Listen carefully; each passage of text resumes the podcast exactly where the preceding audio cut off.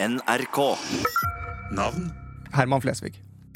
utdanning, Eh, Film og TV, bachelor på Westerdals. yrke, Ansatt i NRK. Er du ansatt? Nei, ikke ansatt. Nei, Jeg, kan jo late på som. kontrakt. På kontrakt. Ja, Det er vel ingen da som er sier vi ansatt. kontrakt, vi sier ikke Kontrakt ansatt. Jeg er ansatt. Ja, du er ansatt. Ja, er jeg har ikke bilde på det kortet mitt. skjønner du Nei, Da er du ikke ansatt. Nei, det er ikke det. elsker, Forelskelse. skal slutte med, Nicorette-tyggis. Prøv på det. Ung, kjekk mann 25 fra Nei, 26, unnskyld. Mm. Det blir 26, ja. Mm. Men lykke til resten. Ja, resten så dritbra. ok, vi tar på litt. Ung, utrolig kjekk eh, mann 26 fra Sigrud, som mange også mener står klar for å redde Humor-Norge. Velkommen hit, eh, Herman Flesvig. Tusen hjertelig takk. Og Og du- for en introduksjon. Ja, jeg burde egentlig skrevet om mange mener har reddet Humor-Norge. Ja. Ja, Det skal vi komme tilbake til. Men altså, du er en internettsensasjon. Kongen av sosiale medier. En kvart million følgere på Instagram. Jobber nå med Robert Stoltenberg. Vært med på sommeråpent TV-aksjon og leda P3 Gull. Du er det jeg ville kalt en one man hit wonder. Du verden. Dette er superstas. Ja, men altså, Det går jo i et banka kjør nå. Det gjør det.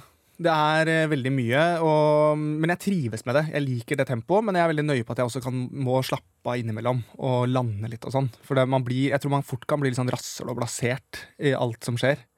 For denne karen fra Sigrud, han skal ikke bli noe døgnflue. Nei, overhodet ikke. Dette er en, jeg har så vidt startet. Det er, dere har mange år foran dere med faenskap. Eh, Kan du bare kort fortelle, da, sånn, eh, nå er det straks jul, men altså, hvordan har de siste ukene, en vanlig uke før jul, sett ut? Det har vært eh, travelt. Jeg driver og flytter også. Eh, jeg har bodd i kollektiv i fem år. Nå skal jeg bo alene. Eh, Du har så det- kjent såpass, altså? Ja, såpass uh, kjent. Nei, Det skal bli veldig deilig. Og så um, er det egentlig møter opp på jobb, ha mye møter, uh, gjør eventjobb ved siden av, så jeg er på møte med det. Uh, møte med NRK, det kommer forespørsler. Så det går, det går i ett. Deilig at du har tid bare et par dager før julaften. Mange vil jo si at det er som å få en julegave før selveste, selveste kvelden. Ja. Når du er her. Det er veldig hyggelig.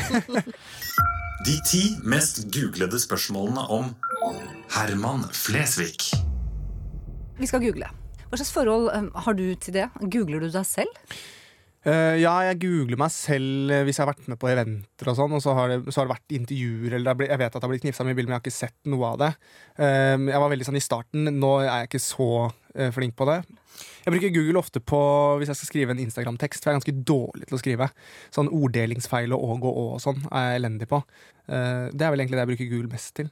Men eh, jeg så at det har kommet en Wikipedia-side av meg selv, og da, det, var, det var deilig. Vi har tid til det. Jeg, jeg er jo gæren, vi leser den. Gjør Selvfølgelig. Du Kanskje får lese den sjøl òg. Forfatteren les sjøl. For det. det er ikke du som har skrevet den. Det er ikke jeg som har skrevet den. Nei, Finn, du.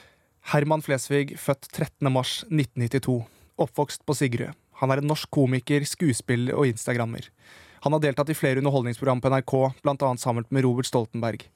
I 2018 var han programleder for musikkprisshowet P3 Gull. Han er også kjent for humorgruppen Ledelsen og musikkduoen Lax og Ludo, som har gitt ut flere låter.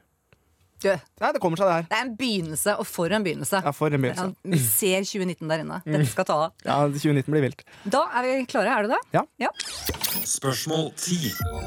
Herman Flesvig, ledelsen. Du har tatt førersetet i Humor-Norge med over en kvart million følgere. Og det hele startet da du og sammen med tre kompiser startet humorkollektivet Ledelsen. Ja.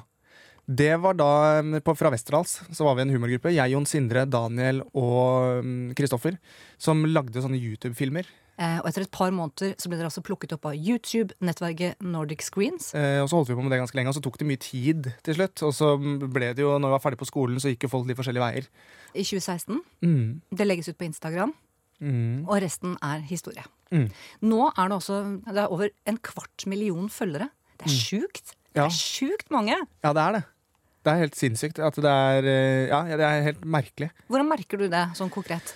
Eh, Jeg merker det jo på at det er um, um, flere og flere som vet hvem jeg er, hvis jeg går til og fra jobb og sånn. Um, om, altså det var veldig uvant i starten. Jeg likte ikke i det hele tatt i starten. Uh, For da var jeg jo hjemme på Sigrud, lagde noen filmer, og så kom jeg til, så var jeg på et utested med noen kompiser, og så kom det bort noen og visste hvem jeg var, og da fikk jeg helt noia og dro hjem. Og bare tenkte sånn, åh, dette orker jeg ikke. Men uh, nå har jeg på en måte liksom vent meg veldig til det. Eh, men jeg, Nå kommer det en halvtime for tidlig. Ja. Innrøm. Ja, nå kommer jeg for tidlig. Men jeg ser jo alle som altså Jeg ser jo at folk ser meg, på en måte. Så det er, det er rart. Tro meg, vi ser deg. Ja, det, det tror jeg på. Og du ser deg vel selv òg? Ja, om jeg gjør. Ganske tidlig så skriver altså eh, den internasjonale avisen Østlandets Blad De sier at eh, du blir den ledende innen Humor-Norge. Ja. Troll i ord. Troll i ord. Nei, men det er altså Det er en av de Det var før jeg skjønte hvordan presse fungerte. Det er, eh, det er ganske morsomt det med når ting kommer på trykk. Det funker veldig dårlig på meg, for jeg har jo ofte litt sånn ironisk distanse til ting. Og hvis du drar en joke, så funker den best på TV og ikke på trykk. Eh, Så jeg må innrømme at jeg fikk litt kalde føtter når den overskriften Fatter'n ringte meg og sa sånn Hva i helvete er det du driver med? Eh, Så jeg har lært i etterkant å prøve å være så ydmyk som mulig når det kommer til presse. Så kan man heller dra på litt når man kan snakke for seg. Sånn som nå. Sånn som nå. Hvem i Humor-Norge har vært inspirasjonskildene dine? Og det er mange. Eh, Robert Stoltenberg har jo vært det eh, med, med borettslaget. Eh, Christian Valen syns jeg er fantastisk flink. Eh, dritgod til å synge, til å imitere. Eh, så det er egentlig ganske mange jeg ser opp til sånn. Altså Det er nok de på en måte jeg ser mest opp til, men sånn i etterkant så ser jeg jo liksom sånn at de som på en måte jobber rundt meg, og sånn som Kevin Vågenes og sånn, er jo bare helt overlegent. Det er så bra, da. Det er så høyt nivå på humor.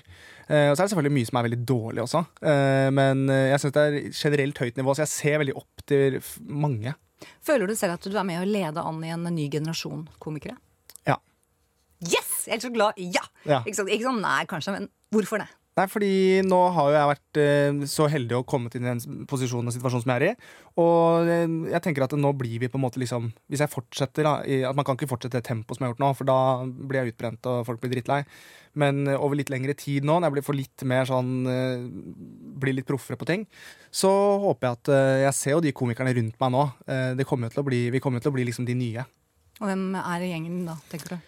Kevin eh, Vågenes er der. Uh, Henrik Farley. Uh, ja, det, er, det er mange. Mm. Det er mange flinke. Spørsmål 9. Herman Flesvig julekalender. Og da snakker vi Aksels jul med celebrities. Ja, det er morsomt. Det var et fenomen. Det var et fenomen. Det, jeg var jo en av de første som gjorde julekalender på Instagram. Jeg ser I år så har veldig mange gjort det. Jeg skulle gjerne ha gjort det i år, men jeg hadde ikke tid. Og nå ser jeg at det er så mange som har det, så det er litt deilig å ikke gjøre det også. Men da brukte jeg en eh, som jeg fortsatt bruker, en tekstforfatter som heter Asbjørn Kessel. Uh, og han, er, han skriver helt sinnssykt. Han er akkurat samme liksom, sjuk i huet som det er. Så vi fikk det til å funke veldig bra. Og det er jo en helt sånn off julekalender. Det er helt rart. Uh, og da var det jo da Aksel Hennie som, som hadde da en julekalender med alle de karakterene mine. da. Uh, Kan ikke du bare forklare dette faceswap, for det er den funksjonen du har brukt? Mm. FaceSwap er en app eh, som jeg har lastet ned, uh, hvor du da kan ta et vanlig bilde fra Google, uh, og så tar du det ansiktet, og så kan det da liksom flyttes over på ditt eget ansikt. Så når du filmer deg selv, så får du da det ansiktet på deg. Og når du beveger munnen, så beveger han munnen. Så du, du går på en måte inn i et annet menneske, da. Og Du har gjort Bjarne Brøndbo, Aksel Hennie, Mm. Petter Stordalen. Mm. Jeg har gjort mange karakterer, men jeg synes det er veldig deilig å gjøre egne karakterer også. For de kan jeg for det første jeg kan være så drøy jeg vil. Jeg trenger ikke å tenke på at jeg tråkker noen på tærne. Ehm, og jeg har helt kontrollen selv på hvordan de er, og jeg kan på en måte forme dem helt. Men nordmenn er veldig glad i parodier. Folk elsker parodier. Det er helt merkelig. Da har du noe å leve av resten av livet, så ikke kritiser. Nei, det er sant. Jeg tror det er utrolig mange som har lyst til å lære litt om face swap-funksjoner. For det var, det, var jo det sånn du slo igjennom med denne julekalenderen Axel and the Celebrities. Vi skal høre et lite kutt her, bare sånn for å få opp stemninga. Det er dag syv i julekalenderen Aksels jul med celebrities, og en litt sliten gjeng koser seg rundt middagsbordet. Hei, bloggen. Det er Anna her, og i dag så er vi på et nydelig fiskehus, så det er veldig løyen. Jeg har sagt det til så mange ganger. Du, Jan, du får ikke lov å filme deg sjøl. Jan, du er så dårlig i humør at du skal dra og filme deg sjøl, Jan. Det vet du. Det er min blogg. Med sandpapir i munnen. Han har vært så lenge. Eivind, den maten du laga her, var jækla god. Tusen takk, Bjarne. Hva syns du om de kortreiste vaklene mine? Er du seriøs nå, eller? Hva er det som er viktig? Mange som prøver ikke helt får det til. Hva, hva- har du noen to-tre tips? Altså det er viktig Jeg har veldig sånn uh, rart ansikt. Altså sånn Gummiansikt som på en måte funker FaceUp funker veldig bra på meg. Så er det viktig at det er riktig lys. Omtrent samme farge som på bildet som du har i trynet. Så på sommeren, hvis jeg har blitt brun, så ser man veldig at jeg har på FaceWap. Så man må prøve å liksom holde seg i den stilen som de bildene er. Uh, og så kan man ikke gjøre brå bevegelser, for det er jo da altså et ansikt Det er jo et ansikt som ligger oppå ditt, som er liksom animert. eh, hvor øynene beveger seg og munnen beveger seg. Så det er jo helt fantastisk redskap. Eh, det er dødsgøy. Eh, så det er egentlig det man passer på. Så er det jo viktig at eh, Men parodien og stemmen må jo sitte der. Få høre, få høre at det er deg som er Aksel Hennie. Ja, fordi jo, men det er ikke en sånn type film. Noen filmer kan man se på, men allikevel så må du bruke huet ditt, og du er nødt til å gjøre på den måten sånn at ingen andre skjønner hva du driver med. Sånn er han. Er, og jeg liker det som er morsomt, er at jeg liker stemmen til Aksel så godt at hvis jeg skal voice et eller annet, eller gjøre noe fint, for, lese et brev fint, så leser jeg det som Aksel fordi jeg syns det er så behagelig å høre på. Så det er, ja, han har, veldig, han har ganske rå stemme. ass. Og så digger jeg Petter Stordalen. Ja. Invitasjonen for en liten en. Petter Stordalen han, han er veldig sånn hes og sier det er mandag, og nå, og det handler om å bygge stein for stein og tørre å ta sjanser. Og han er jo så veldig mye mer Han er, han er altså et fantastisk menneske. For han er jo sånn um, Han gir liksom bånn gass. Han driter i hva folk syns og mener. Han kjører sitt løp. Uh, og det er veldig fascinerende. Du snakker om disse gutta, Aksel Hennie, Petter Stordalen, som om det er kompiser. Er- Kjenner du det litt nå, eller? Ja, jeg begynner å kjenne dem litt. Um, det er jo selvfølgelig gjennom I hvert fall med, uh, med Petter så har det vært litt sånn gjennom jobb. Uh, men vi har jo snakket sammen litt i etterkant, og Aksel har jeg jo møtt et par ganger gjennom fallskjermhopping også. Du er en av gutta, du. Ja. Ja, Ja. Klart og konsist. Klart og konsist si er en av gutta. Jeg er i ferd med å bli en av gutta. Men jeg er nok fortsatt kommer til å være valp lenge, tror jeg. Du kan egentlig takke Aksel Hennie for ganske mye. Ja, veldig mye. Ja. Og det tror jeg han vet også. Jeg har jo snakket med han. Um, og jeg ringte han blant annet før P3 Gull, når jeg hadde nerver. Og bare ringte han helt sånn uoppfordra og sa sånn Du, nå holder jeg på å drite meg. Hva gjør jeg? Gjorde du det? Ja. Så snakka vi sammen lenge, og han kom med masse råd og tips. Og han er en super sånn supportive type. Og så har vi en dialog på liksom hva som er greit å kødde med, og hva som ikke er greit å kødde med. og sånn. Så Hva var det du var engstelig for da? Det var egentlig den første store, store direktesendte jobben din for NRK. ja, det jeg var engstelig for, og som jeg ofte er redd for, er eh, å skuffe de folka som jobber like hardt rundt meg. Eh, som produsenter og sånne ting. Det er de jeg er mest redd for å skuffe. Siden de har på en måte trodd på meg og trodd at liksom, yes, vi, vi kjører på med Herman. Uh, det var en del tomler opp rundt bordet, men det er selvfølgelig noen som er skeptiske. Det er de jeg har lyst til å liksom, overbevise meg at dette går fint. Eh, Så det er nok der mye av nervene ligger. Og så er det egen prestasjon òg. Jeg er veldig nøye på at jeg har veldig, sånn, veldig høye krav til meg selv. Det gikk, det gikk veldig fint, jeg var, men jeg var stressa, og jeg var ganske sliten eh, etter den runden her. Dagen før hadde jeg sånn grinerunde. Uansett hva folk sa, så begynte jeg å grine. Eh, og, så man går liksom gjennom sånne faser. sånn faser. Trine Skei Grande skvatt litt. Ja, det var helt krise. Mutter'n ringte og sa sånn Ja, nei, du er jo en liten gutt på en stor scene. Da knakk jeg helt sammen og satt og hulkgråt. Så det er eh, Så man må liksom gjennom en sånn runde, men man blir proffere og proffere på det. Men det er godt å se at eh, selv karer som deg har med hjertet sitt. Ja, jeg tror det er veldig viktig. Og det kan, det kan jeg egentlig liksom takke eh, foreldrene mine for. For en fornuftig oppvekst. Og at det alltid har vært lov å gråte, og man skal alltid være ærlig og sånn. Eh, Og det merker jeg jo i den bransjen her, at det er, du skal ha tunga litt rett i munnen. Altså, For det er fort gjort med Du vet ikke helt hvem, hvor du har folk, hvem som er, liker deg som den du er, eller hvem som er keen på en bit av kaka. Altså, Så du må, du må liksom Ja, det er mye slanger, som jeg og manageren min kaller det. Slanger. Mm, alltid noen slanger. Der skjønte jeg den teksten til Arif. 'Slanger opp i hagen min'. Det skjønte jeg ikke før jeg kom inn i bransjen selv. Kan si kort litt om det. Ik ikke noe name-dropping, kanskje? Nei, ikke noe name-dropping. Nei, men det er jo litt sånn eh, Folk eh, har lyst til å bli med på reisen. Når man ser at ting går veldig bra, så vil folk være med. Og det tar jeg som et kjempekompliment. Og jeg er også blåøyd og naiv at jeg tenker at ja, selvfølgelig, alle kan bli med. Eh, Men så må man liksom tenke seg litt om. eh, Om hvordan man gjør ting. Det er viktig. Og du tenker seg om når man gjør ting. Du, du har sagt det likevel, det sa i hvert fall i starten, at du var, fordi du kødder så mye med norske kjendiser, så var du jo litt livredd for konfrontasjon, da, at noen skulle ta igjen. Mm. Eh, Jeg er en veldig konfliktsky fyr. eh, Og veldig redd for å såre andre. Veldig redd for å tråkke noen på tærne. Eh, Så det er, sånn, egentlig veldig bipolart det jeg driver med, siden jeg på en måte legger jo hodet på hoggestabben. Jeg er veldig sånn fyren som kaster en snøball, og så gjemmer jeg meg etterpå. Eh, Så ingen ser at det var jeg som kasta. Altså, det er litt sånn, jeg er nok litt sånn feig på en del ting, og veldig redd for å få kjeft. Veldig redd for Jeg er egentlig ganske sånn ynkelig type, så det er mye lettere å stå opp for andre enn å stå opp for meg selv. Eh, så det Syns du klarer deg bra? jeg. ja, jeg klarer meg helt ålreit. Uh, Men jeg er nok bare nøye på at jeg på en måte aldri vil noen noe vondt. Mm, det er viktig. Um, og liksom kaster ikke folk under bussen for min egen del. Eh, Men for, fra min side så er det virkelig liksom humor, og jeg vet at fansen syns dette er morsomt. Derfor gjør jeg det. Så det er jo selvfølgelig ganger hvor jeg har vært litt sånn ah, Det er kanskje litt på kanten å legge ut. Kanskje det er litt dumt. Um, så jeg har jo fått noe Men jeg har fått veldig lite hat. Ekstremt lite. Nesten ingenting. Så det er nok kanskje litt fordi at Og så er det litt sånn når du parodierer noe, så vet man liksom hva man kan tulle med og ikke. Det er en del ting man ikke nevner. En del ting man ikke skal gjøre. Så og det universet mitt er så absurd. Eh, og det er så mye sånn det, Ting henger ikke på greip i det hele tatt, så da kan man på en måte tulle med det. Det er bare stemmen som er morsom. på en måte Så der slipper jeg nok litt billig unna. Det er viktig at man er hyggelig og ålreit med folk. Det, og det merker jeg litt også sånn på det P3 Gull. Altså, jeg er veldig nøye på, eh, og det er ikke for min egen del, men eh, når du kommer på et svært produksjonssett og hilser på absolutt alle, si 'halla, så hyggelig at du er her', de som flytter dassen, gå og hilse på de. Gå inn med den holdningen at jeg skal være en bra fyr. For da blir ting så mye bedre for alle rundt deg. Da jobber de bedre, ting blir mye bedre, istedenfor å være sånn diva som kommer inn og er rasshøl. Spørsmål åtte. Herman Flesvig, Robert Stoltenberg. Mm. Det er gammel hund møter ny valp. Mm. Er det, sånn, det er jo litt sånn. Ja, det er litt sånn. Uh, vi er som et gammelt ektepar. Uh, men det, det funker veldig fint. Vi, er, vi har blitt veldig gode venner. Vi er kollegaer, uh, først og fremst, men vi har liksom blitt veldig gode venner. Og um, jeg merker jo sånn som med Robert, vi kan liksom krangle om ting eller si ting akkurat sånn som vi mener. Og det er jo ikke sånn som måte, Robert gjør til hvem som helst. Jeg er nok litt mer sånn som prater rundt og forteller om alt, og jeg har ikke noe sperre på det. Eh, men når Robert gjør det til meg, så ser jeg på på det som en sånn veldig sånn tillitserklæring. Vanligvis er det jo sånn at det er age before beauty. Men Mm. her sitter altså beauty. Gjør et unntak nå. Og det var som praktikant i NRK at du møtte et av dine forbilder, da, Mm. Robert Stoltenberg. Hvordan skjedde det? Nei, det var jo at jeg fikk eh, praksisplass, og så skulle jeg jobbe med Robert, for skulle, vi skulle lage noen snutter. Um, og så var jeg jo superheldig som fikk den muligheten. Og jeg, hadde, jeg kjente litt på det altså, når jeg satt i møterom med Robert og et par andre, og jeg skulle komme opp med noen ideer som var morsomme.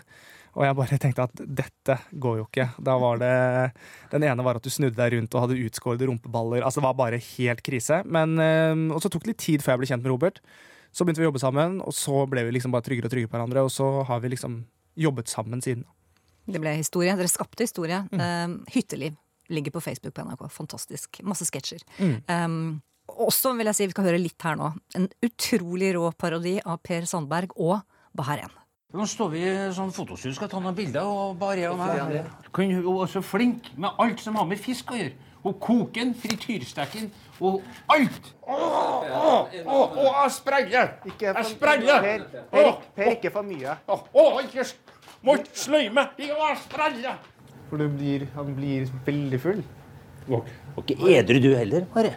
God jul til alle, inkludert pressen. God jul fra familien Sandberg. Det er litt gøy at dere klarer å være så aktuelle. Ja, da var vi veldig sånn eh, Robert pleier å være veldig sånn kaste seg rundt. Den her var det faktisk jeg som var veldig nøye på at vi måtte gjøre. Men jeg ville at vi bare skulle gjøre bildene, for jeg, er ikke så god, på- jeg var ikke så god på å parodiere henne. Jeg tror I den sketsjen her så snakker hun trøndersk, og det gjør hun vel ikke til vanlig. Litt, Nei, kanskje, det, det er litt sånn trønder, Ja. eh, så jeg er ikke så fornøyd med den parodien, men jeg syns bildene ble veldig morsomme. Du, Den funka så bra at uh, det er kommet inn hilsener, telegrammer til deg her. Oi. Skal høre på et lite her nå. Ja, jeg heter Svein og er prest og har bare lyst til å sende en liten hilsen til deg, Herman. Jeg syns du er en så stram og fin, en så flott og fin gutt. Du har, og du er åpen for nye ideer. Du, du er rett og slett fenomenal. God jul og godt nyttår. Og så håper, må du ikke ro, rote deg bort i kjolen min, som vi bruker å si i prestekretser. Noen ganger så er det nesten som jeg lurer på om jeg hans. Det er jeg. Og når vi er ute og går og sånn, og vi er, og vi er kanskje sosiale tilstelninger, så sier jeg 'tar jeg en øl', da? Nei da. Skal man ha sånn rødbrus? Jeg blir flau, jeg. Og skal ikke ha for mye fett. Herregud, jeg vokste opp på fett. Jeg spiste ribbesvor. Jeg vet hva jeg gjorde for noe? Jeg spiste det skinnet på broileren. Vet Du hva, jeg, jeg tok av det først, og så mosa jeg det. Så spiste jeg det som sånne små kaker. Vær litt gøy for ei dame. Altså, jeg har jo pepra med kondomer og liksom prøvd å være litt sånn Ja, få den i gang, skjønner du hva jeg mener? Jeg blir jo fortvila. Tinder. Må- jeg, jeg må si det. Han, hvor han har fått disse genene fra. Det er, og faren hans han var jo ikke akkurat noe glansbilde, for å si det på den måten. Begge på den ene eller andre måten. Så utseendet det har han fått fra mora si. Ja, ok. Jeg skjønner. Ja. Du, når du starta ut, så hadde du stålkontroll på klipping, på produktet, på humoren. Um, nå som du har liksom, hva skal vi si, leker med de store gutta da, her i NRK, får du den kontrollen fortsatt, eller må du gi bort stoffet mer nå? Og hvordan er det i så fall det? Um, nei, altså jeg, jeg føler på en måte fortsatt at jeg har kontrollen. Det er jo klart at eh, når man jobber Det er det som er deilig med å ha sin egen Instagram-profil. At der kan jeg gjøre akkurat det jeg syns er morsomt. Eh, og så er det jo litt mer sånn eh, Sånn som jeg og Robert treffer på en måte kanskje litt bredere. Altså det er litt mer sånn, det er litt mer sånn folkelig humor. Du kan ikke banne så mye, du kan ikke være så drøy som jeg vanligvis er på Instagram. Eh, så man blir jo på en måte litt sånn passa på. Men jeg syns egentlig det funker veldig fint. Og jeg har også blitt tatt imot så utrolig godt av andre komikere som jeg ser liksom opp til. Når du møter Radioresepsjonen. Alle er så hyggelige. Og det er også noe jeg liksom setter stor pris på. Jeg tenkte at det kanskje var sånn kjempekonkurranse i den bransjen her. Eh, Det kan at de er bare jævla gode skuespillere, men jeg, men jeg tror oppriktig at de på en måte de unner og Ja, nei, det er veldig, veldig hyggelig. Og så, selvfølgelig, eh, kan ikke stoppe uten at du får en attest av sjefen sjøl, Robert Stoltenberg. Det kommer her. Kjære Herman. ehm, jeg har lyst til å sende deg en hilsen og si at jeg er utrolig glad i deg. Du er en veldig fin fyr, og det er alltid morsomt å få jobbe med deg. Skulle ønske noen ganger at du ikke var på den telefonen hele tiden. For da må jeg si nå er vi her. Nå er vi her.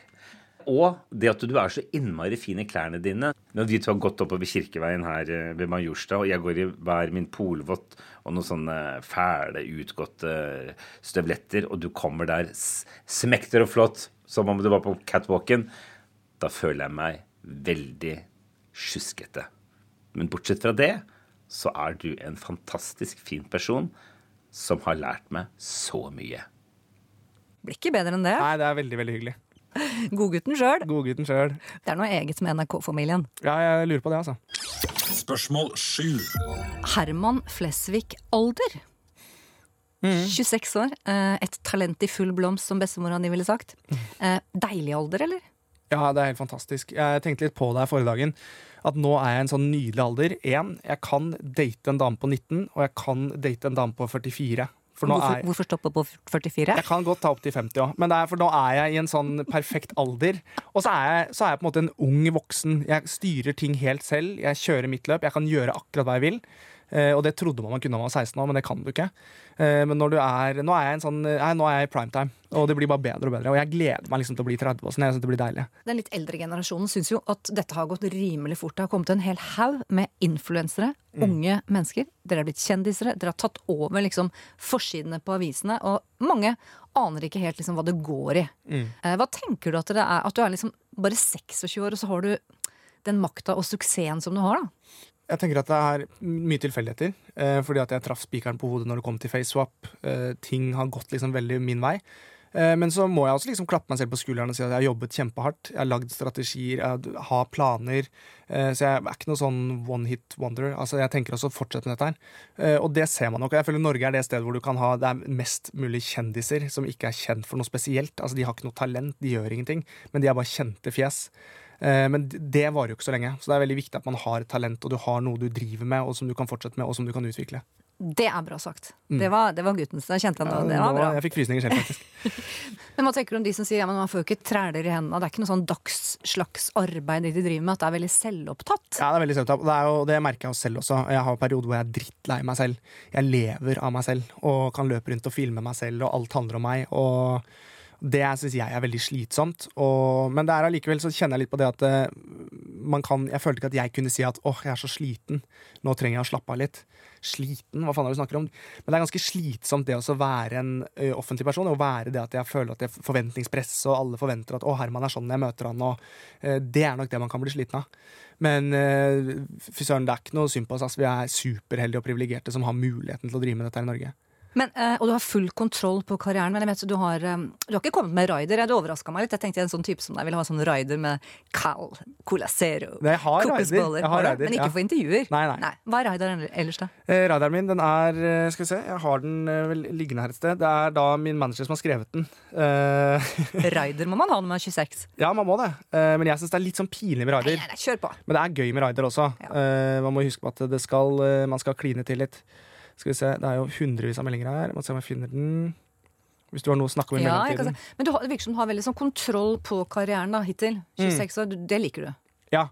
Jeg er, veldig, altså jeg er veldig glad i å ha kontroll. Jeg, tror jeg, er veldig, jeg, må, jeg er veldig glad i rutiner. eh, og veldig glad i å liksom vite nøyaktig hva jeg skal til enhver tid. Eh, så, og så er jeg, elsker jeg å jobbe. Jeg hater å ikke jobbe. Hvis jeg har en fridag av, for eksempel, så får jeg helt panikk, for da gjør jeg ikke noe produktivt. Eh, og det er jo positivt. Har du oppnådd mye av det du eventuelt hadde på bucketlista di når du skulle bli 26? Uh, Hadde du trodd at du da skulle jobbe i NRK? Ikke fast jobb, men altså på, på kontrakt. På kontrakt. Kon. Ja, Eh, nei, ja. Suksess på Insta, leder P3 Gull, jobber med Robert Stoltenberg. Ja, det er ehm, Det er nok eh, jeg, hadde, jeg har nok alltid drømt om det, men jeg har aldri turt å si det høyt. Men Det er veldig lett å komme sånn og være etterpåklok og si at ja, det var akkurat dette jeg hadde lyst til, men det har jo, det har jo vært en drøm. Jeg må innrømme det. Eh, Det var ikke så veldig mye annet jeg dugde til da jeg var liten, eh, annet enn å være morsom og være en entertainer. Eh, Så, så jeg vil jo på mange måter si at jeg har jo fått til det jeg ønsker, og jeg har jo fortsatt hårete mål som jeg skal gjennomføre. Og det klarer man helt sikkert. De målene skal du selvfølgelig ikke gå glipp av hvis du hører videre på podkasten, men den raiderlista di Raiderlista, Nei, men det er altså det, øh, Jeg syns det, det virker som at det er Mick Jagger som kommer til øh, Oslo. Her fant jeg den. Raider Herman Flesvig. Backstage, eget låsmart eh, møblert rom. Helfigur speil, tilgang til toalett, ikke publikumsområder. Fem flasker Imsdal avkjølt, fem flasker Coca-Cola avkjølt, frukt, bær og snacks. Fire påsmurte bagetter, to stykk uten kjøtt. Fire øl avkjølt, to flasker hvitvin avkjølt. Hotell med god standard, rom med dobbeltseng, frokost inkludert, middag fra restaurant, ikke fastfood. Woohoo! Men da er klar over at gutta i Rolling Stones hadde ledd av deg. Hvor er det damer, dop og, og, og crack? Ja, nei, men det, var, det er litt sånn. Men, jeg, men jeg, jeg har gjort litt sånn gøy ut av det og så bedt om bare grønne Nonstop og sånn. Eh, hvor noen da faktisk må sitte og pelle ut de andre fargene. Eh, så sånne ting er litt gøy. Men du, har, har suksessen forandra deg? Har du blitt høy på pæra? Mange som tror du er det. Du er jo ikke det. Nei, eh, det er mange som tror det. Eh, og jeg skjønner det veldig godt. Og det er fort gjort å bli det. Og jeg har nok sikkert kanskje på noen områder blitt litt høyere på meg selv. At jeg er litt mer sånn utålmodig, eller hvis ting ikke funker helt som jeg ønsker. Og sånn, så litt sånn divanykker. Eh, at jeg forventer profesjonalitet i alle ledd. Eh, men jeg som person har nok ikke forandret meg noe i det hele tatt. Jeg er fortsatt en redd fyr. Eh, men eh, ja, altså jeg tror, ikke, jeg tror ikke jeg har forandret meg så mye. Og jeg er egentlig ganske stolt av meg selv som har på en måte klart å holde huet på den måten jeg har, og, og fungere såpass profesjonelt da, som jeg gjør. Selv om det skjer mye sinnssyke ting rundt meg, så klarer jeg allikevel å liksom ta vare på meg selv, ikke feste for mye, ikke treffe for mye damer. Altså Jeg prøver også liksom bare være så proff jeg klarer da, hele veien. Eh, og det er jeg fornøyd med. Du sa du var redd. Det Mm. skal vi selvfølgelig stoppe litt opp ved etterpå. Spørsmål 6. Herman Flesvig, ADHD. Mm. Du sier du ble utreda sent. Mm. Hvor sent? Jeg ble utredet da jeg var 18 år gammel. Eh, det var en eh, Er det så sent? Ja, det er ganske sent, for da har du gått altså, hele barneskole, barnehage og vært propell. Eh, Men jeg har drevet med idrett hele livet, så jeg vet ikke hva mutter'n og fatter'n tenkte på. Eh, Men jeg har liksom Og jeg fikk jo liksom sleit jo på skolen, men jeg hadde en lærer eh, som het Jorid fra barneskolen fra andre klasse til eh, syvende klasse. Og det var hun som lærte meg å skrive og lese, og hun satt en time med meg etter skolen og gjorde lekser sammen med meg. Eh, Så det er helt fantastisk det hun har gjort. Og så tenkte jeg liksom, å, idrettslinja, da slipper jeg å sitte så mye stille, da kan jeg liksom ha gym og sånn. Eh, Men det var jo treningslære og anatomi og eh, Ja, helt forferdelig. Eh, Og da var det en lærer som sa at jeg tror du må utredes. Og så ble jeg utredet. For jeg har en far som er helt lik meg, men før i tida ble det jo kalt lopper i blodet. Mm. Men så fikk jeg utredet for ADHD. Lang utredelse. Masse greier og tester og, sånn. Fikk medisiner, og det er første gang jeg har hørt hva læreren sa i, en, i et klasserom. Så var helt sånn spesielt. Men så mistet jeg liksom sånn Jeg mistet litt meg selv. Jeg mistet han Herman som er eh, supersosial og gøyal og morsom. Og ble litt mer sånn average Joe. Ble litt sånn kjedelig. Så da tenkte jeg bare at dette her eh, gidder jeg ikke å være med på. Og så mister man matlyst, og så ble jeg jo nesten litt sånn deprimert av å gå på de medisinene. Jeg går på ganske kraftige medisiner. Og ble veldig sånn nedstemt av de medisinene. Jeg tenkte at dette funker jo ikke. Så da har jeg egentlig gått uten medisiner, eh, bortsett fra da jeg skrev bacheloroppgave. Da eh, dopa jeg meg ned og satt og jobba, for da måtte jeg sitte lenge stille. Eh, og det har egentlig funka superfint. Og jeg har ikke noe problem med sånn aggresjon og den delen der. Um, så jeg vet ikke om man kan vokse det av seg, men det er nok mer at det, det er, kan fort tre ting i løpet av en dag kan stresse meg da, hvis jeg ikke har kontroll på det. Men Det jo ikke, trenger jo ikke ha noe med ADHD å gjøre, men det er jo en del av det. Men du sier det er en gave mer enn en sykdom. Absolutt. Jeg hadde ikke vært der jeg er i dag, hadde jeg ikke vært ADHD. Fordi at jeg våkner på morgenen med kjempemye energi og bare tenker at yes, nå kjører vi, nå går Herman-toget, nå er det bare de som vil, heng på. Eh, for jeg har så mye da, som jeg har lyst til å gi, og, og det og det føler jeg liksom er så viktig, da. Og det er så meg, og det, sånn skal jeg bare være. Når jeg ser på deg nå, så kjenner jeg at jeg, jeg kan elske deg som bare en mor kan. Ja, Det er veldig deilig å høre. Ja, du er godgutten min. Ja, det er koselig, det. Men du beskriver jo energien fra ADHD-en. Mm. Um, du nevnte i stad at du kunne bli redd. Er det en skyggeside, eller har ADHD noen slagsider? Ja, det kan jo være, det vet jeg ikke. Men jeg er jo en eh, Jeg har jo Altså, alle har på en måte hatt sine perioder i livet. Eh, Jeg husker jeg hadde veldig problemer med det å gå fra barn til voksen. Uh, Syns jeg var veldig vanskelig å gå fra ungdom til voksen. Eh, Den delen der hvor man liksom ikke er et barn lenger, og mamma og pappa kan ikke passe på deg, og du begynner å stå litt på egne bein, syns jeg var veldig ubehagelig. Veldig engstelig gutt, eh, og veldig sånn tenkende fyr. Eh, alltid tenkt mye, eh, men vært veldig flink til å snakke om følelser. Alltid snakket om problemer. Jeg har aldri holdt liksom ting inne. Eh, og det er jo kjempebra.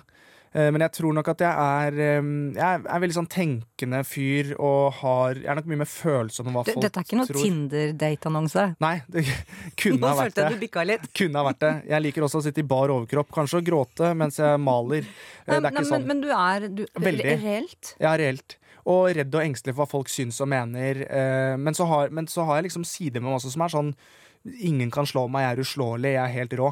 Så det er liksom det switcher veldig. Altså, det er berg-og-dal-bane. Merker du når det switcher, når det på en måte, du må Mm. lande litt? Ja, veldig. Så, men jeg er veldig flink til å lande det også, og bruke liksom teknikker på å lande. Kan legge meg ned, høre på Hans Zimmer, bare koble helt av. Ikke forholde meg til noen mennesker. Eh, men jeg blir nok ganske sliten, og det skjønner ikke folk eh, alltid. Eh, kan bli, derfor har jeg liksom behov for å kunne trekke meg litt unna og bare være litt alene i perioder. Og så er jeg tilbake igjen, og så har jeg masse energi og sånn. Du, Vi tulla litt. Jeg hadde laget to kopper med cappuccino her. Mm. To forskjellige kopper. Mm. Og så sa jeg at de var jo laget rett før du kom. Mm. Og så tenkte jeg hm, så jeg et sånn snev av David Beckham over deg da? Altså du liksom Basiller, sykdom, angst. Er du sånn? Nei, ikke så veldig. Jeg hadde veldig mye tvangsforestillinger da jeg var liten. Um, jeg måtte telle til 13 hele tiden. Um, hvis jeg tok på dørhåndtak, så måtte jeg ta og um, tørke bort fingeravtrykkene mine. Uh, måtte gå på en spesiell måte, lukke øynene. Så jeg hadde masse sånne tvangsforestillinger. Det har jeg vokst fra. Uh, men det henger nok litt igjen. Jeg er veldig sånn pertentlig på ting. Jeg liker ikke at folk er i senga mi. Uh, senga for meg er veldig privat. Uansett hvem som er i senga? Ja, det kommer helt an på. Har du oppadgående tre promille på veien fra Horgans, så er de greiene glemt. Men, men jeg er veldig sånn renslig på en del ting, og nå skal jeg flytte for meg selv, og det kommer til å bli så deilig. Unner deg alt. Ja. Jeg skjønner, Du har allikevel en, en slags hva skal jeg si, et hemmelig våpen. Da. Det at du uh, hopper i fallskjerm. Mm. Er det en slags sånn, litt selvterapi Å Bare få Ja. ut all energien? Ja, det er veldig, For meg så handlet det veldig om å overgå eh, frykt og tørre å liksom eh, gjøre ting. da. Altså, for Jeg er jo redd for ting. Også, som jeg, har sagt om sånn, jeg liker ikke å kjøre bil i by. Altså, Jeg har sånne rare ting på meg som jeg syns er ekkelt og ubehagelig. Eh, men det å overvinne det, da blir man på en måte et bedre menneske. da, Hvis du klarer det. Så eh, Jeg droppa jo psykologtimer og begynte å på fallskjerm istedenfor. Eh, men jeg mener fortsatt at det å være psykolog er kjempefint, og jeg gjør det i perioder hvis jeg har en kjip periode. Om det er kjærlighetssorg eller det er noe som plager meg. Ta tre-fire psykologtimer og bare få snakka ut om det eh, med en person som er utforstående, som ikke kjenner deg fra før av. eh, Så er det kjempebra. Men eh, for meg så var det litt sånn terapi, og jeg fikk nesten sånn religiøs følelse av på fallskjerm. Det å liksom hoppe der oppe og blant skyene, det er så fantastisk flott. Og du bare du lurer døden, du overvinner noe, og så er du verdensmester når du lander. Og du har sånn adrenalinpump som er helt sinnssykt. Så det er ja, det er litt sånn, så jeg må holde meg unna dop og sånn, for jeg er veldig fyren som kan bli fort avhengig. Og det er jo litt den der impulsive ADHD-delen. Um, så jeg må bare holde meg unna, prøve å holde meg unna det, og så heller hoppe fallskjerm og sånn. Nå fikk jeg noen litt vakre bilder. Jeg så for en sånn duo-hopp i solnedgang, deg og Aksel Hennie. Ja, vi har hoppet sammen. Det var det. Da følte jeg at jeg hadde runda livet. Da jeg hoppa fallskjerm, Aksel Hennie. Det, det var sånn bucketlist. Det skjønner Det rått. For meg hadde det vært å hoppe, hoppe fallskjerm med Aksel Lund Svindal. Men det er en annen historie. Ja, det går jo. Da da tar vi neste podkast. Spørsmål fem. Herman Flesvig og kjendis. Ja. Det liker du. Nei, jeg, jeg liker det. Jeg, jeg, jeg liker Jeg hører hva du sier, men jeg vet ikke hva det Smak på det. Mm. Nei, altså, jeg har jo lest at du uh, er veldig opptatt av å skille mellom uh, liksom, den private rollen, private Herman, og, og den offentlige rollen. mm. Er det viktig for deg? Ja, det er litt viktig. Um, jeg tror det er viktig fordi at uh, hvis ikke så føler man at man mister seg selv helt. For da blir man Jeg husker ekskjæresten min sa noe til meg som Det var kanskje det som såret meg mest. Og det var det at, For det var liksom i perioden hvor jeg begynte å bli kjent, og folk begynte å kjenne meg igjen på butikken og vi var sammen. Og sånn Og hun sa at nå føler jeg ikke at uh, Herman er min lenger, nå føler jeg at du er sånn allemannseie. Og det gjorde veldig sånn inntrykk på meg. Det syns jeg er veldig ubehagelig. Og da tenkte jeg liksom på det, og det er noe sant med det også, at man kan ikke være allemannseie. Man må ha en del privatting også. Um, Sånn at, um, men jeg, jeg er jo en person allikevel som deler alt og har ikke noen hemmeligheter. i det hele tatt. Jeg kan vise bilder av mutter'n og fatter'n og barnebilder, og det spiller ingen rolle. Men jeg tror det er viktig at man på en måte skiller mellom det. Og de som kjenner meg, de vet jo at jeg ikke er han som er på sosiale medier. Eh, som sitter på Snapchat og snakker om bicepsen sin. Det er jo ikke sånn Herman Du er. leker med oss. Jeg gjør det. Men, men stress må det jo være. Hvis, jeg tenker hvis Et typisk kveld på byen for deg, går det? Ja, det går fint, det. Hvis jeg er i humør til det. Um, men jeg pleier jo ikke å bli sånn superdritings når jeg er ute. Um, litt fordi at um, jeg føler ikke at jeg kan være det. Uh, men de lukkede festene jeg har med kompiser på en hytte langt av gårde, da blir det fest. Men det, er, men det er hyggelig å være på byen, og jeg setter veldig pris på folk, og sånne ting, men det kan bli slitsomt å maste. Det kan bli litt kaos av og til. Men apropos, det er det eneste private jeg skal spørre deg om, for det har du sagt selv òg. Du, du sa i forbindelse med ekskjæresten din Mm. eh, at det var første gang, og det var i fjor, var det ikke det at det ble Mm. slutt? Mm. At du- Nei, ja, forfjor. To år siden. Mm. Men det, den sitter litt igjennom. det var første gang du har hatt kjærlighetssorg. Ja. Og jeg visste jo ikke hva kjærlighetssorg var i det hele tatt. Eh, Jeg tenkte at eh, om man hører på et par låter noen uker, og så er det over. Men det var ordentlig slag i trynet, og da kjente jeg liksom på det. Eh, Vi snakket sammen for ikke så lenge siden, og det er god tone og alt er veldig fint, men det var ordentlig, for da føler man seg veldig alene. Og jeg tror i den situasjonen som jeg var i da også, med at ting skjedde rundt meg, alle skulle ha en bit av kaka Altså det var så mye.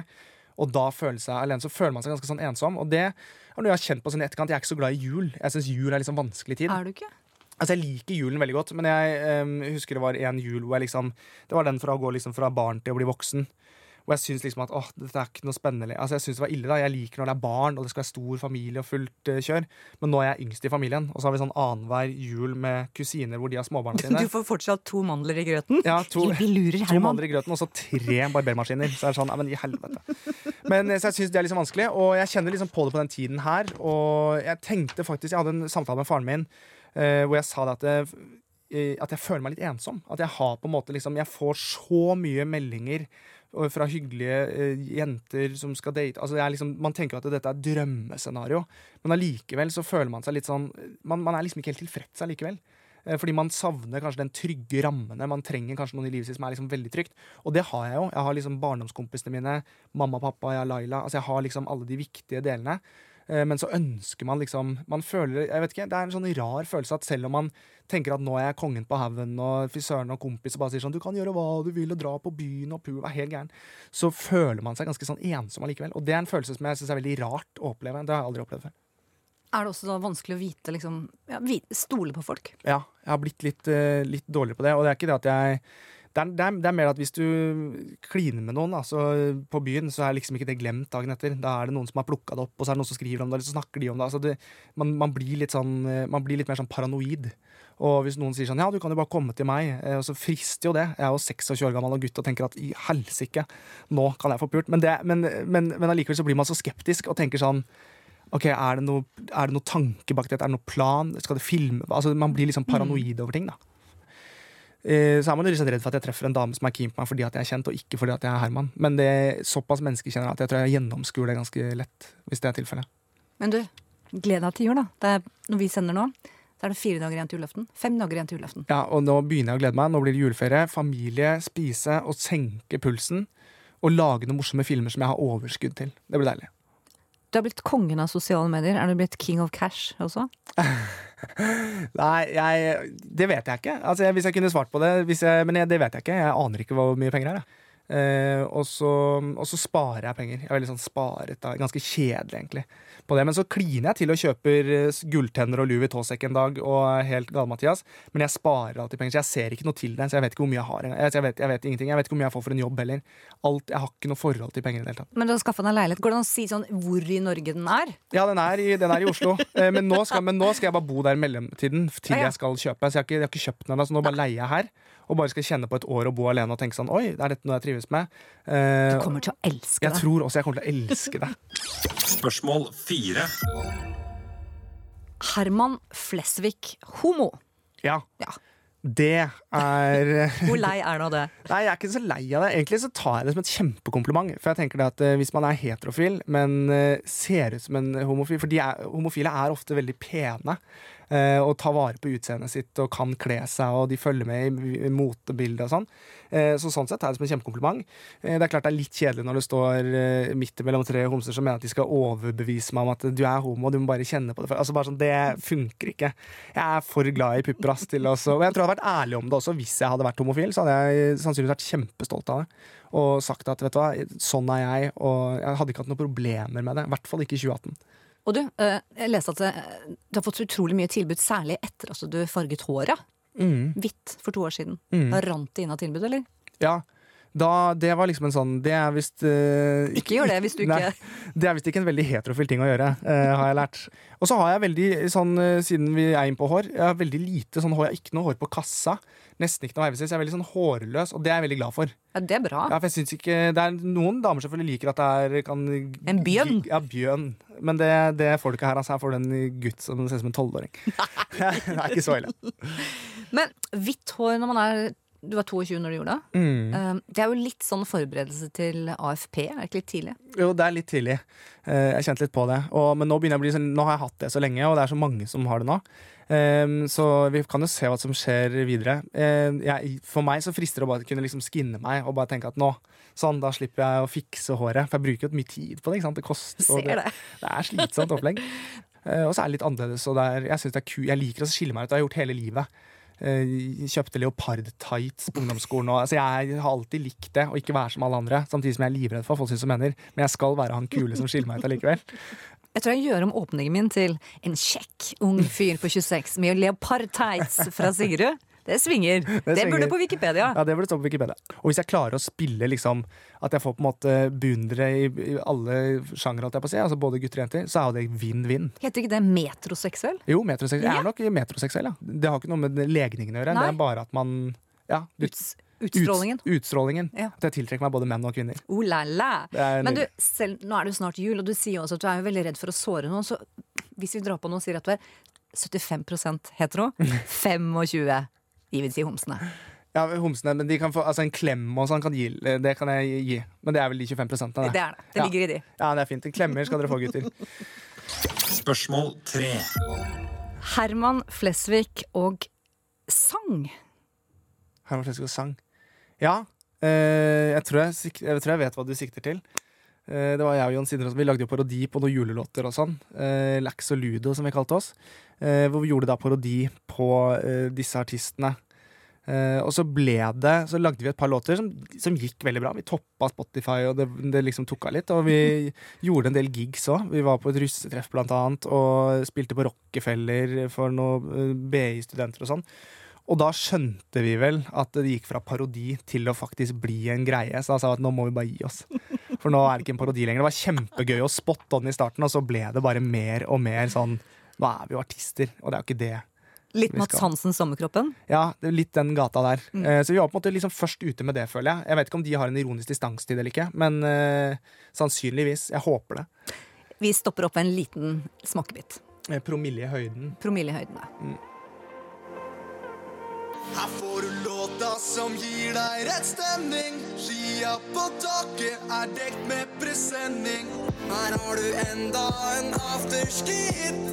Allsang og riming er oppstarter-kit. Heiskort og ølsalg drar inn mange kroner. For oss som artister gir det millioner. De nevner steder fra vårt langstrakte land for å sikre at pubene spiller vår sang. Vi hopper Hafjell og Trysil og Voss. Åpner opp dørene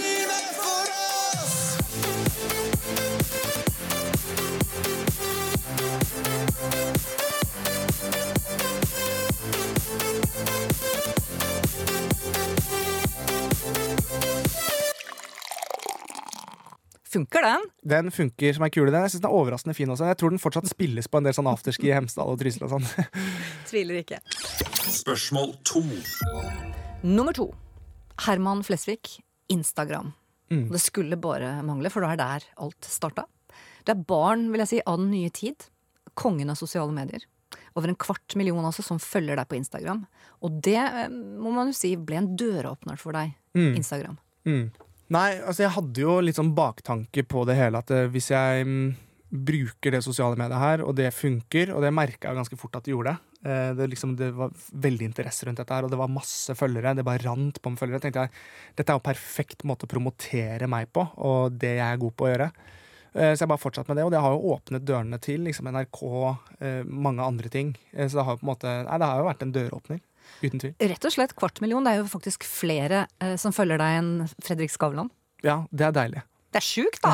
Det er sjukt. Ja, det er ganske sprøtt. Og jeg husker jeg stussa veldig over sånn når Maria Mena sendte meg melding eh, helt i starten. Når jeg satt på Gutter promperom på Sigrid og fikk melding av Maria Mena, tenkte jeg bare OK, nå skjer det ting. Og Karpe Diem. Og jeg bare Dette her går ikke an. Å, Eh, og! Aksel Hennie kommenterte og sånn. tenkte jeg Nå eh, tar det av her.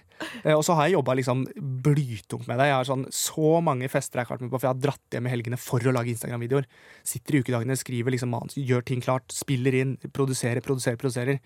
og så er det perioder hvor man tenker sånn Nå har jeg ikke noen flere ideer, nå må jeg bare kule litt. Eh, og nå er jeg ikke så stressa på Instagram lenger. Før var jeg veldig sånn Jeg må legge ut regelmessig, jeg må liksom holde i gang.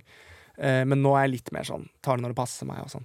Ja, for det tenkte jeg nå. eh, Et nytt år, 2019, ligger klart. Mm. Hva tenker du? Eh, Hva, nå er jo selv damer som meg på Facebook og på Instagram. Da, da begynner det å bli litt kjedelig for dere og kidsa. Så hva ser du for deg som 2019 blir det liksom de nye store greiene på sosiale medier? Hva som blir det nye på sosiale medier? Mhm. Kan du se inn i spåkula di? Ja, nei, det, å, det veit jeg ikke. Eh, jeg liker også å prøve ut liksom, nye ting som ikke er gjort før. Jeg liker veldig det at du kan uh, Altså interaction, som det heter. At du liksom snakker med følgere. Det å bruke live-effekten. At du kan kjøre livesendinger. Um, og svare Jeg bruker, setter jo mange timer hver dag på å svare fans. Sitter og snakker med dem og Jeg føler at det er veldig veldig viktig. For å få liksom en god fanskare så må du, du kan ikke være noe sånn overlegen. Det er de som gjør at jeg kan gjøre det jeg driver med. Så man må liksom sette pris på alle, da. Jeg tenkte jeg skulle rett og slett benytte meg av muligheten nå som jeg har liksom Norges eh, desiderte største på Instagram. Uh, Herman Flesvig, uh, the one and only. To eller tre beste tips for Instagram. Har du noe sånn, hva, Hvordan skal man hashtagge? Hva slags innlegg vil man legge ut? Altså å, Jeg har vært veldig sånn nøye på at jeg ikke hashtagger for mye, og hvis jeg gjør det, så gjør jeg det pga. humor. Um, og at det er kort tekst. Enkel, og så må det være morsomt, og jeg har ikke noen definisjon på hva som er morsomt. Um, jeg tar ofte ting som jeg syns er morsomt. Det er ikke alltid at jeg syns det er så veldig morsomt heller, men jeg vet at andre syns det er morsomt. Uh, og så må man være um, man må høre på hva tilbakemelding man får. Man må ta til seg tilbakemeldinger. At liksom, nei, jeg synes ikke det, Men man må aldri la seg styre av tilbakemeldinger, men ta det til seg. Eh, Og så må man ha jevnlig. Du må legge ut jevnlig. Du må vite det. Jeg hadde jo I starten så la jeg ut hver dag klokken åtte på morgenen Så la jeg ut en ny video. Det gjorde jeg i tre-fire uker helt i starten. For da vet folk at det kommer noe. Da rammer ja. man ikke av lasset. Så du må ha en sånn eh, kontinuerlig gang på det. Og gjerne da, hvis du vet at nå er det travelt, så må du sette av tre måneder i forkant uten at du vet noen ting. Spille inn en hel haug med videoer og ha det liggende, og så bare publisere ut til et punkt. og hvordan får du mye følgere? Har du noen knep der? Ja, det er å bli plukka opp, eh, rett og slett. Jeg husker jeg var eh, etter TV 2 Jeg ble plukket opp av TV 2-nyhetene. Eh, ganske tidlig. Det var lenge det første intervjuene jeg gjorde. Direkte på TV 2-nyhetene, hvor de snakket om sosiale medier. Det var jeg og Kevin Vågenes. Og da, den kvelden der så fikk jeg 7500 bare den kvelden. Så det er veldig med hvor man er hen. Og så kan man jo, I YouTube-verdenen så er det veldig sånn collabs. Hvis du liksom Å, han er kjent, kanskje vi kan gjøre noe sammen. Så er det vinn-vinn. Men det er ikke så lett å collabe med noe hvis man ikke har mange følgere selv. Så jeg, jeg har ikke noe svar på det sånn egentlig. Men bare gjør det du tror på. Vær aktiv. Og klin til. Hva tenker du, Herman Flesvig, ut av et år, 2018? Hva blir hot or not på sosiale medier i 2019? Eh, hot or not eh, Jeg tror det blir hot og Jeg håper at det blir hot med naturbilder. At nå går jeg tur. At jentene er sporty. Og at man liksom Å, nå er jeg på fjelltur og sånn. Jeg håper at det blir veldig hot. Og så blir det not so hot med barisbilder av gutta som er på treningssenteret. Det håper jeg. Men eh, det, man vet jo aldri. Men det er så mange som eh, Ja. driver og dere skjerper dere, gutter. Flotters! Kan du avsløre noen nye planer for det nye året? Nye prosjekt? Eh, ja, eller jeg kan ikke avsløre, det kan man aldri gjøre. Men eh, jeg er i gang med noe eget uh, som, er, som jeg tror kan bli veldig morsomt. Og så er det jo liksom det lusker litt rundt. Folk er interessert i også Så jeg har jo veldig lyst til å drive med film. Eh, Der spille, kom kotta ut av sekken. å spille film har jeg veldig lyst til. Eh, men jeg tror nok at jeg skal være ganske kresen på hva jeg blir med på. Du kan jo spille den unge Aksel Hennie. Mm, Akkurat. Det har vært veldig det Aksel. Hennie møter seg selv i døra. Ja, det har vært gøy. Nei, men jeg tror eh, Film har jeg lyst til å spille komedie. Film-komedie kunne jeg tenkt meg. Eh, og så blir det nå å jobbe med dette egne prosjektet som jeg holder på med. Og da tar jeg vel ikke helt feil hvis jeg tenker at det er noe på NRK? Ja, det er naturlig, det. Hvis det er siden det er her jeg jobber. Deltid. Der fikk vi en headline som du kan leve med. Ja. Nei, vi får se. Men det er jo, ting er jo veldig sånn Ting er i utvikling, og det er jo veldig sånn med TV. Det er derfor man aldri skal si noe, for man vet jo aldri hva Nei, det nei. blir ut av ting. Men helt ærlig da, hvordan kjennes det da å fortelle altså senioren, liksom, han som trente deg opp her i NRK, han, den første du møtte. Mm. Hvordan er det å fortelle til Robert Stoltenberg under lunsjen i kantina i NRK at du, jeg har fått eget eh, show og program, jeg, gutten min. Ja, Det er ikke eget program jeg har fått, da, men jeg tror, eh, jeg tror nok at Robert eh, skjønner det og setter pris på og unner meg det. Han syns nok selvfølgelig det er kjipt, men jeg slutter jo ikke å jobbe med Robert. Kommer, vi, vi fortsetter jo å lage sketsjer sammen, så jeg gjør bare mer. Du, jeg tenker på når jeg ser deg, hører deg, eh, så tenker jeg er, Norge etter hvert kommer nok til å bli litt for lite for deg. Altså, du er sånn, sånn som skapt for å lede for eksempel en Oscar-utdeling. Du har liksom alt, du har det som trengs. Ja, Eh, har du drømmer som går, eh, tar deg utafor Norge? absolutt. Um, absolutt. Og det er jo også en del av liksom, strategien og planene mine. Eh, men det er også man ikke kan si eh, Det funker jo veldig dårlig i Norge å snakke om sånne ting, og man skal ikke være hårete. Men, man har, men jeg har jo selvfølgelig planer om det, ja. Å gå utenfor Norge. Spørsmål 1. Nummer én, Mm. og nå skal det handle om Love Actually, rett og slett. Det aller mest googlede spørsmålet er Herman Flesvig, kjæreste. Jeg tipper at det er masse damer som hører på nå, eller sitter rundt i, på odder og øh, fjell i Norge, som. Ja. tenker at Herman Flesvig, all I want for Christmas is you. Ja, Så kan du da avsløre. Om jeg kan avsløre om, om Dette er 19. desember. Ja. Har du eller har du ikke kjæreste? Jeg har ikke kjæreste. Og jeg har egentlig takka nei til mye sånn dating også. jeg. Eh, Fordi nå er det har skjedd så mye i det siste, og jeg jobber så mye. Um, Jeg savner veldig å ha kjæreste.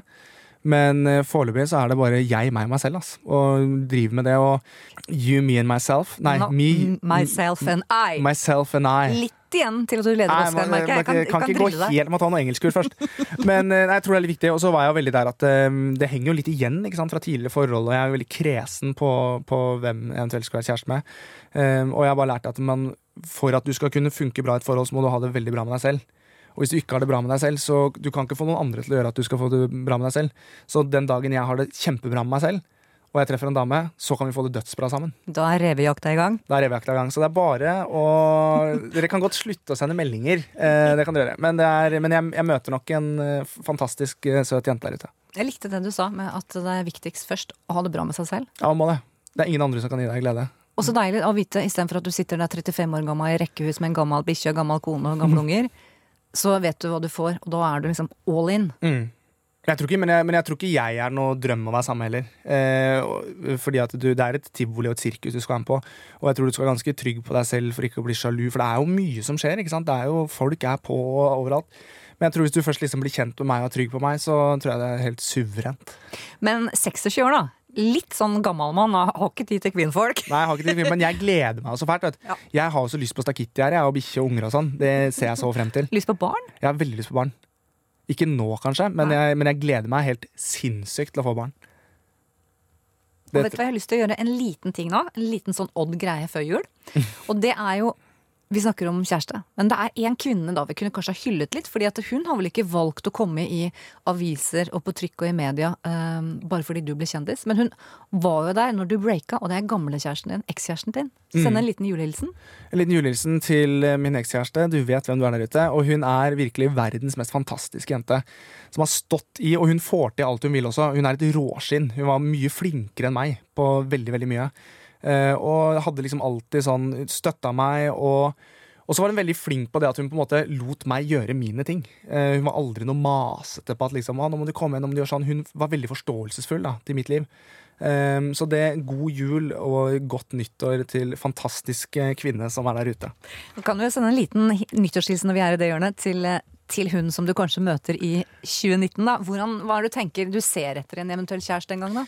Jeg må se etter noen som er uh, snille, og vi må ha det gøy sammen. Eh, Det er veldig viktig. Humor er superviktig. Uh, du skal være veldig tålmodig være sammen med meg. Uh, og så må man ja, og så må man ha tillit til hverandre, og man, man må kunne snakke om absolutt alt. Det kan ikke være noen hemmeligheter. Man må kunne si at åh, i dag har jeg det kjemperæva fordi det. Jeg syns det er dårlig gjort at du gjør sånn fordi det. Um, og det må være 100% åpenhet. For tillit er nok kanskje det, det jeg trenger mest i livet. Du må bare vite én ting. Hun får ikke ligge over. Nei, det får hun ikke. Fell deg ut! Fell deg ut. Vi kan ta det på sofaen, men ikke i senga. Herman Flesvig, det var utrolig hyggelig å få sånn uh, En liten peptalk. Nei, men Å få lov å bli kjent med og komme litt på innsiden. Ja, altså, veldig hyggelig. blir det fantastisk å følge deg. Jeg bare kjenner sånn Denne mannen her, han må jo bare Han må jo henge på. Henge på lasset på. Ja, det er Her kommer det til å skje mye gøy. Jeg håper det. Jeg ønsker deg god jul. Og bare sånn, hva ønsker du deg til jul? Hva ønsker barnet i Herman seg til jul?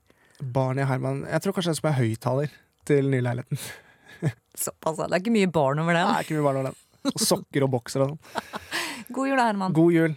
Det sitter jo med så mange her i studio, så Aksel. Hennie, god jul. God jul. Vi snakker egentlig ganske likt, skjønner du. Hvis han hadde ropt, så er det mer naturlig. God jul! Så er han der, for da får han den knekken. Petter Stordalen, da. God jul. God jul, folkens! Det er mandag, men det er fortsatt jul. Jeg tar en Bjarne Brøndbo i DDE. Og det er jul her i dag. Da Han er veldig sånn. Drar alltid på han. Kan ikke han si godt nyttår, da? godt nyttår til kjerringa òg. Og så går han alltid opp, og det er morsomt. Jeg dirrer ennå. God jul, da. God jul.